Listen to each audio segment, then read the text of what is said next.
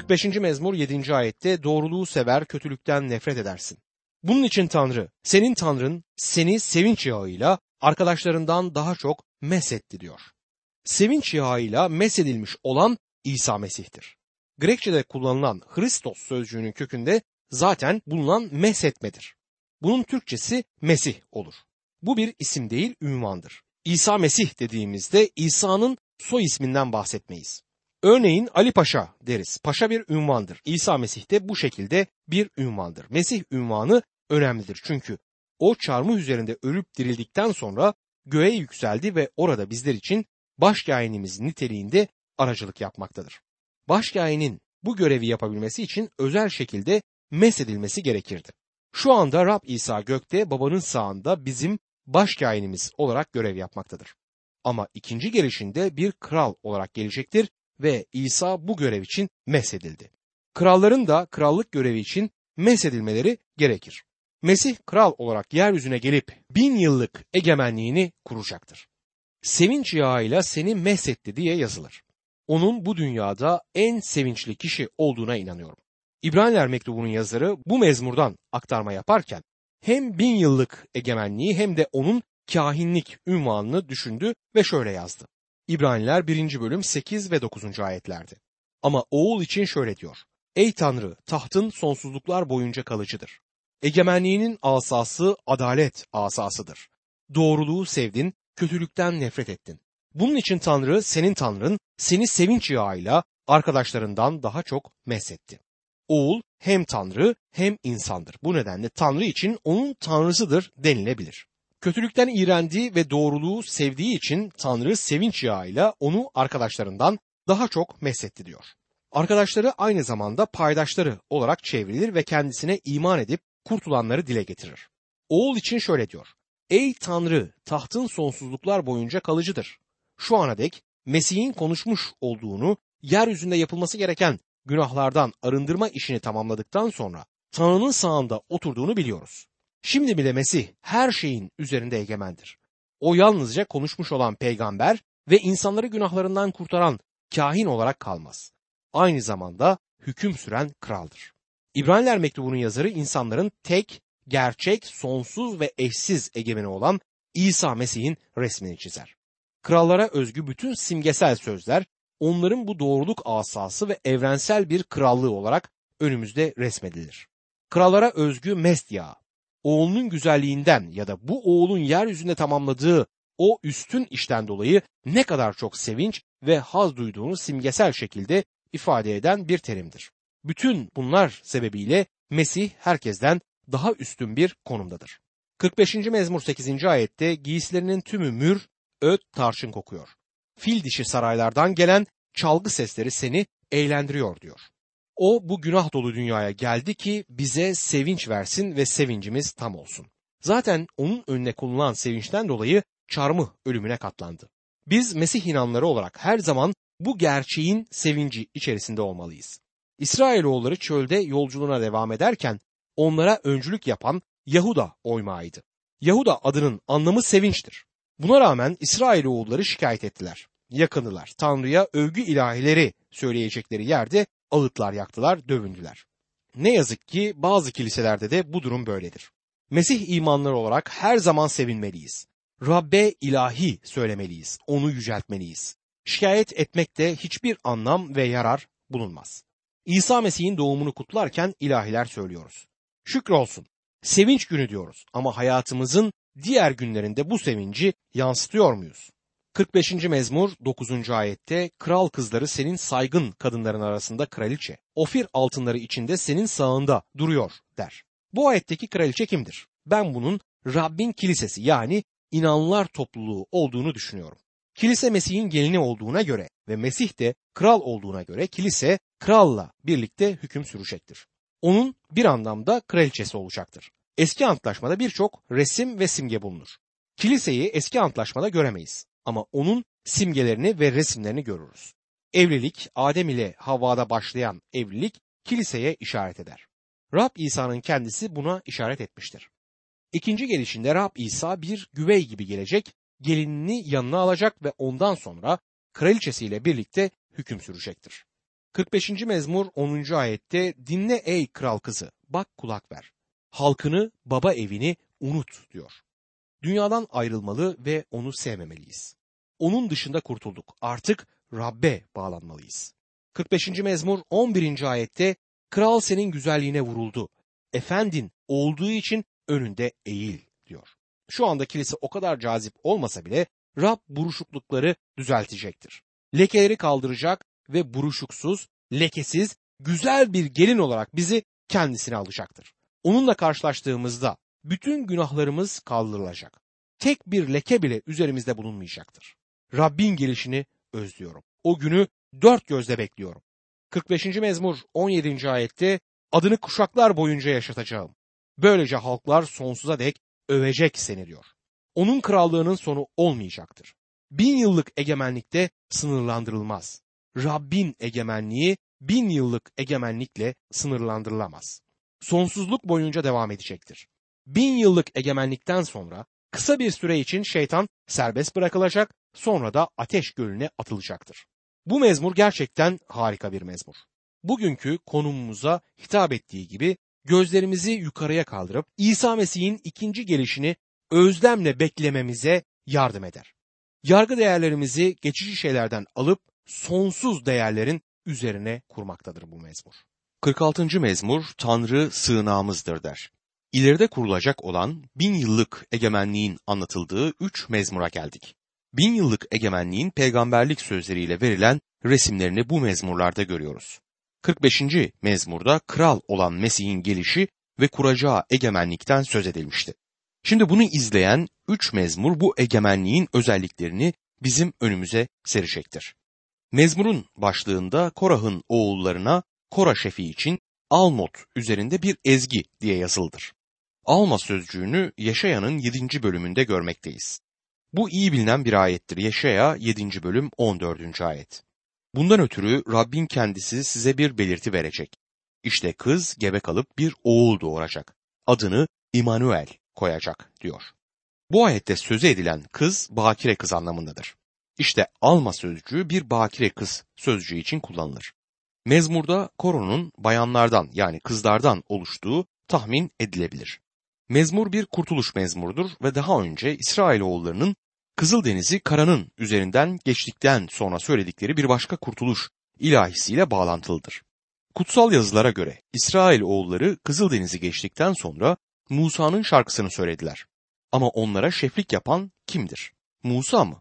Ben hiç de sanmıyorum Musa'nın ve Harun'un kız kardeşi ve bir peygamber olan Meryem onlara öncülük ya da şeflik etmiştir. Eline bir tef alarak bu ünlü kurtuluş şarkısına öncülük etti. Bayanlar da Meryem'in ardı sıra ellerinde teflerle gittiler. Musa ve İsrailoğulları bu kurtuluş ilahisini söylerken Meryem ve bayanlar onlara karşılık verdiler. Harun'un ablası peygamber Miryam tefini eline aldı. Bütün kadınlar teflerle oynayarak onu izlediler. Miryam onlara şu ezgiyi söyledi. Mısır'dan çıkış 15. bölüm 1. ayetten bunu anlıyoruz. Şöyle yazar. Musa ile İsrailliler Rabbe şu ezgiyi söylediler. Ezgiler sunacağım Rabbe. Çünkü yüceldikçe yüceldi. Atları da, atlıları da denize döktü. Mısır'dan çıktıklarında Koro şefi ve ilahi önderi Musa'nın ablası Miryam'dı. Büyük bir zaferin kutlamasını yapıyorlardı. İleride İsrail'in Tanrı'yı tanıyan arta kalanları İsa Mesih'in ikinci gelişiyle düşmanlarının elinden kurtulunca onlar da büyük bir zaferi bir zafer ilahisiyle kutlayacaktır. Bu mezmurun ne amaçla yazıldığını anlamamız gerekiyor. Bu mezmur 45. mezmura bağlıdır ve onun devamıdır. Aynı zamanda 47 ve 48. mezmurlara da bağlıdır. Bu mezmurları birbirinden ayıramayız. Dikkat etmeliyiz bu üç mezmur yani 46, 47 ve 48. mezmur birlikte ele alınması lazım. 46. mezmur 1 ila 3. ayetler arasında şöyle yazar. Tanrı sığınağımız ve gücümüzdür. Sıkıntıda hep yardıma hazırdır.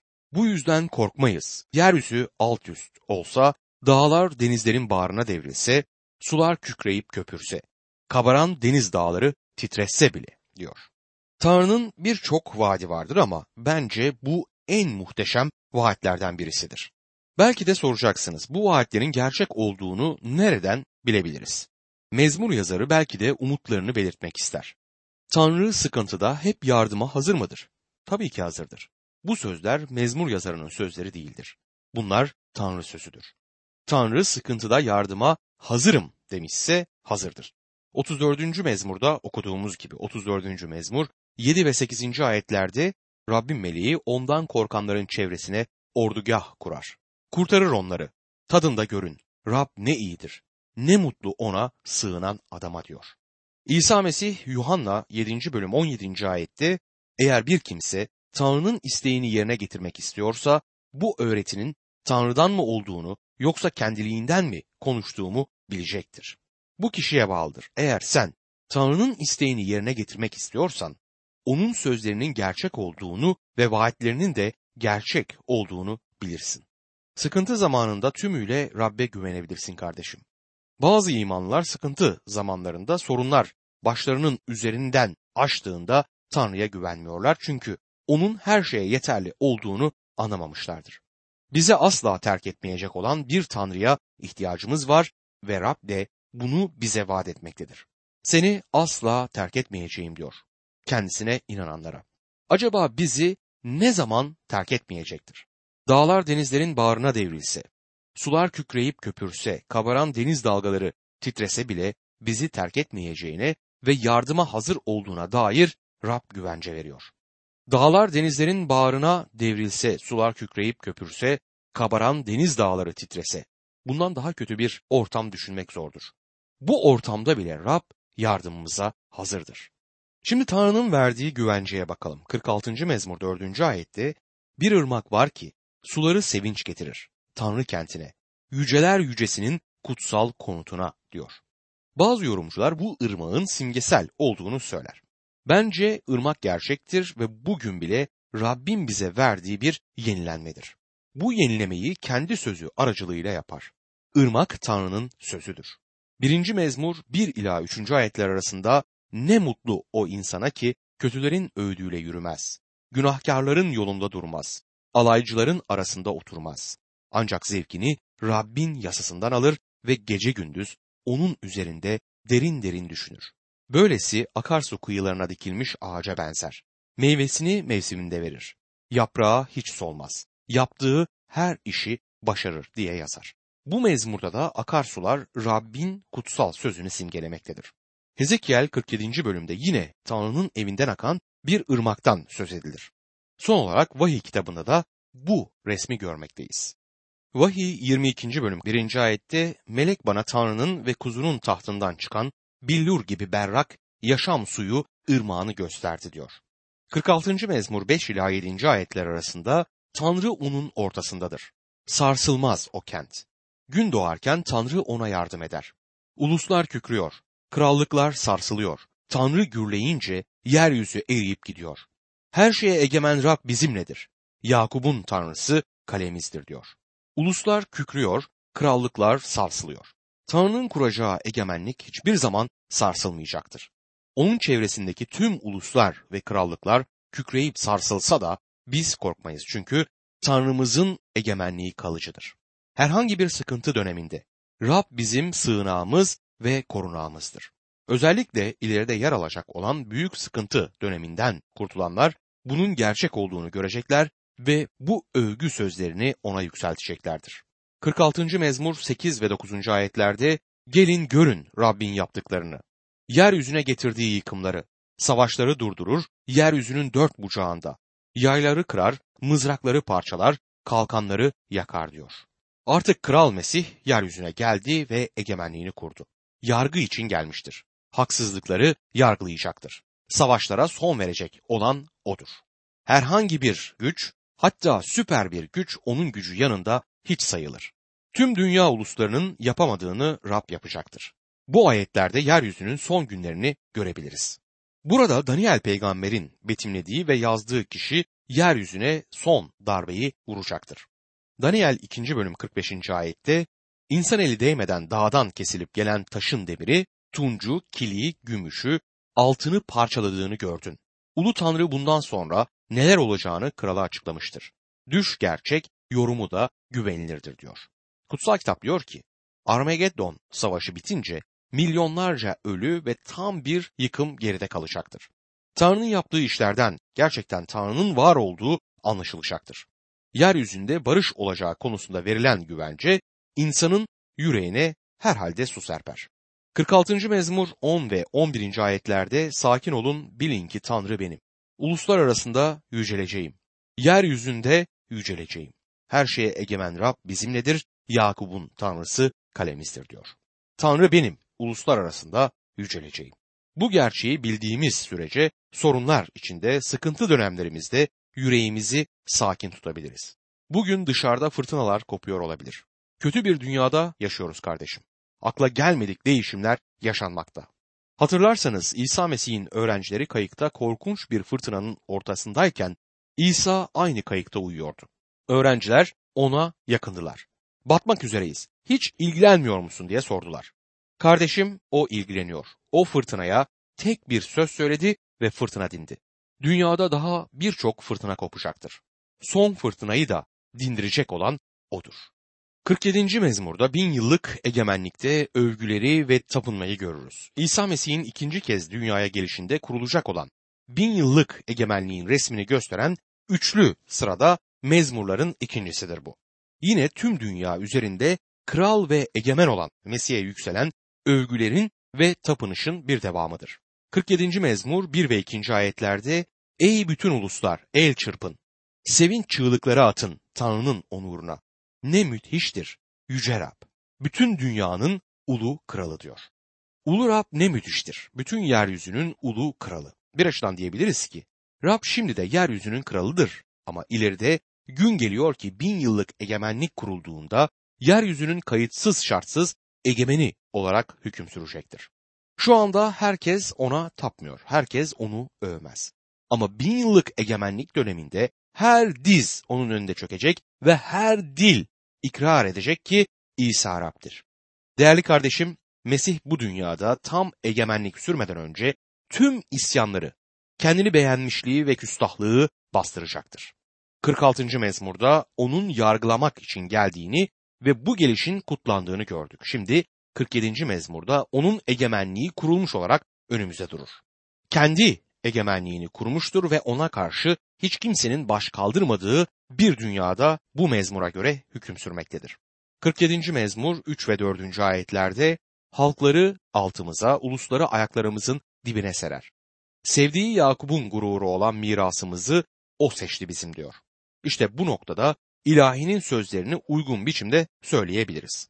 Sevinç günü barış günü. Mesih dünyamıza indi. Dünya karanlık yoktu bir ışık. Sevin, sevinin imanlılar. Sevinç günü barış günü. Mesih dünyamıza indi. İsa getirdi kurtuluş, sevgi. Sevin, sevinin imanlılar. Sevinç günü barış günü. Mesih dünyamıza indi. Tüm yüreğimle İzzet Rabbime sevin, sevinin imanlılar diye bir ilahimiz var. İsa Mesih bir bebek olarak dünyamıza geldiğinde sevinç vardı. Ama barışı getirmek için gelen İsa daha sonra zorba ellerle çarmıha çakıldı. Ona işkence yaptılar. Yüzüne tükürdüler, sakalını çektiler, her şeyi yaptılar. İsa Mesih ölüp dirildikten sonra kutsal ruhunu gönderdi ve ilk olarak 3000 kişi Rab'de kurtuluş buldu ve kilise başladı. Sonra imanlara baskı yaptılar ve birçok kişi öldü. Günümüzde bile hala barış yoktur ve imanlılara baskı yapılmaktadır. Sevinç günü, barış günü diye ilahi söylerken barışın ancak tam anlamıyla ileride İsa Mesih'in bin yıllık egemenlik döneminde olacağını bilmemiz gerekir. Tam sevinç bugün dünyamızda yoktur. Tam sevinç İsa Mesih ikinci kez geldiğinde olacaktır. Ey bütün uluslar el çırpın diyor. Sevinç çığlıkları atarak Tanrı'yı övün. Mezmunun sözleri böyle. O gün gerçekten muazzam bir gün olacak. Bazı kiliselerde bunun bir gölgesini görüyoruz. Tapınma zamanı coşkulu geçer. İlahi söylerken el çırpanlar, coşkuyla dans edenleri görürüz. Bunlar bazen yapmacık ve yüzeysel olurken bazen de tapınmanın gerçekten böyle olduğunu görürüz. Her şeyin zamanı var ve aynı zamanda sevinç ve coşku yürekten gelmelidir. Ayet bize ey bütün uluslar el çırpın. Sevinç çığlıkları atarak Tanrı'yı övün dediğinde bu beni rahatsız etmez. Çünkü bunun içeriğinin ne demek olduğunu anlıyorum. Bazen de bazıları toplantılarda ağır başlı olmalıyız. Tanrı'ya saygı göstermeliyiz. Bu nedenle çok ciddi ve suskun olmamız gerekir der. Bakın mezarlıkta ölülere saygı gösterilir ama mezarlık ölülerin yeridir. Diri Mesih'e tapınırken diri şekilde tapınmalıyız. 47. mezmur 5 ila 9. ayetler arasında Rab Tanrı sevinç çığlıkları boru sesleri arasında yükseldi. Ezgiler sunun Tanrı'ya ezgiler. Ezgiler sunun kralımıza ezgiler. Çünkü Tanrı bütün dünyanın kralıdır. Tanrı kutsal tahtına oturmuş, krallık eder uluslara. Ulusların önderleri İbrahim'in Tanrısının halkıyla bir araya gelmiş. Çünkü Tanrı'ya aittir. Yeryüzü kralları. O çok yücedir diyor. Biliyoruz İsa Mesih çarmıhta öldü, ölümden dirildi ve göğe yükseldi. Ama göklerde kalmayacaktır. Ve bir gün tekrar gelecektir. Yeryüzünde egemenliğini kuracak ve sonsuza dek egemenlik sürecektir. Rab yükseldi denilirken bundan önce indi demektir. Rab 2000 yıl önce yeryüzüne gelip Beytlehem'de doğdu, yeryüzündeki kurtarış eylemini bitirip göğe yükseldi. Öyle inanıyorum ki 24. mezmur buna değinmektedir. Ama bu mezmurda başka bir yükselişten söz edilir. Rab İsa krallığını kurmak için ikinci kez geldiğinde sürekli yeni Yarışilim'e gidip dönecektir. Sanımca Rab bin yıllık krallıkta belirli zamanlarda inip yükselecek, yeryüzünde görünen yüceliğini gösterecektir. Bu gerçekten harika bir zaman olacak. 48. mezmurda Mesih'in yeryüzünde kazanacağı son zaferi görürüz. Bin yıllık egemenlikle ilgili sıra mezmurlarının üçüncüsüne ve sonuncusuna geldik. Mesih kralın son, tam ve kesin zaferini bu mezmur kutlar. 48. mezmur 1 ila 3. ayetler arasında Rab büyüktür ve yalnız o övülmeye değer. Tanrımızın kentinde, kutsal dağında. Yükselir zarafetle bütün yeryüzünün sevinci Siyon dağı. Safon'un doruğu, ulu kralın kenti. Tanrı onun kalelerinde sağlam kule olarak gösterdi kendini diyor. Siyon dağından söz ettiğine göre ve kralın kenti dediğine göre Yarışilim'den burada söz edilmektedir. Safon'un doruğu, ulu kralın kenti diye yazıyor. Mesih kral tahtına oturacaktır.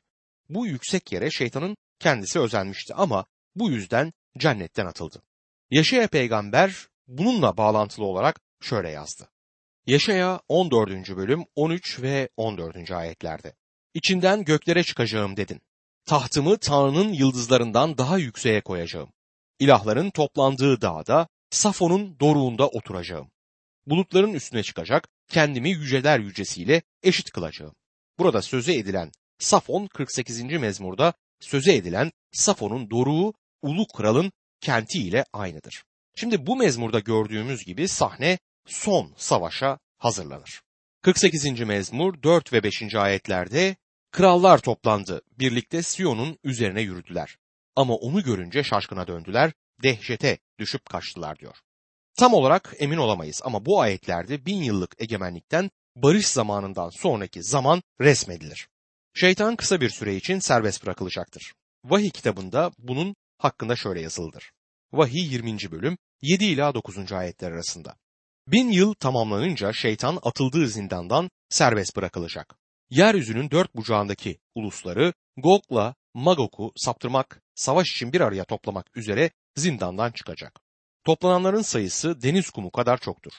Yeryüzünün dört bir yanından gelerek kutsalların ordugahını ve sevilen kenti kuşattılar.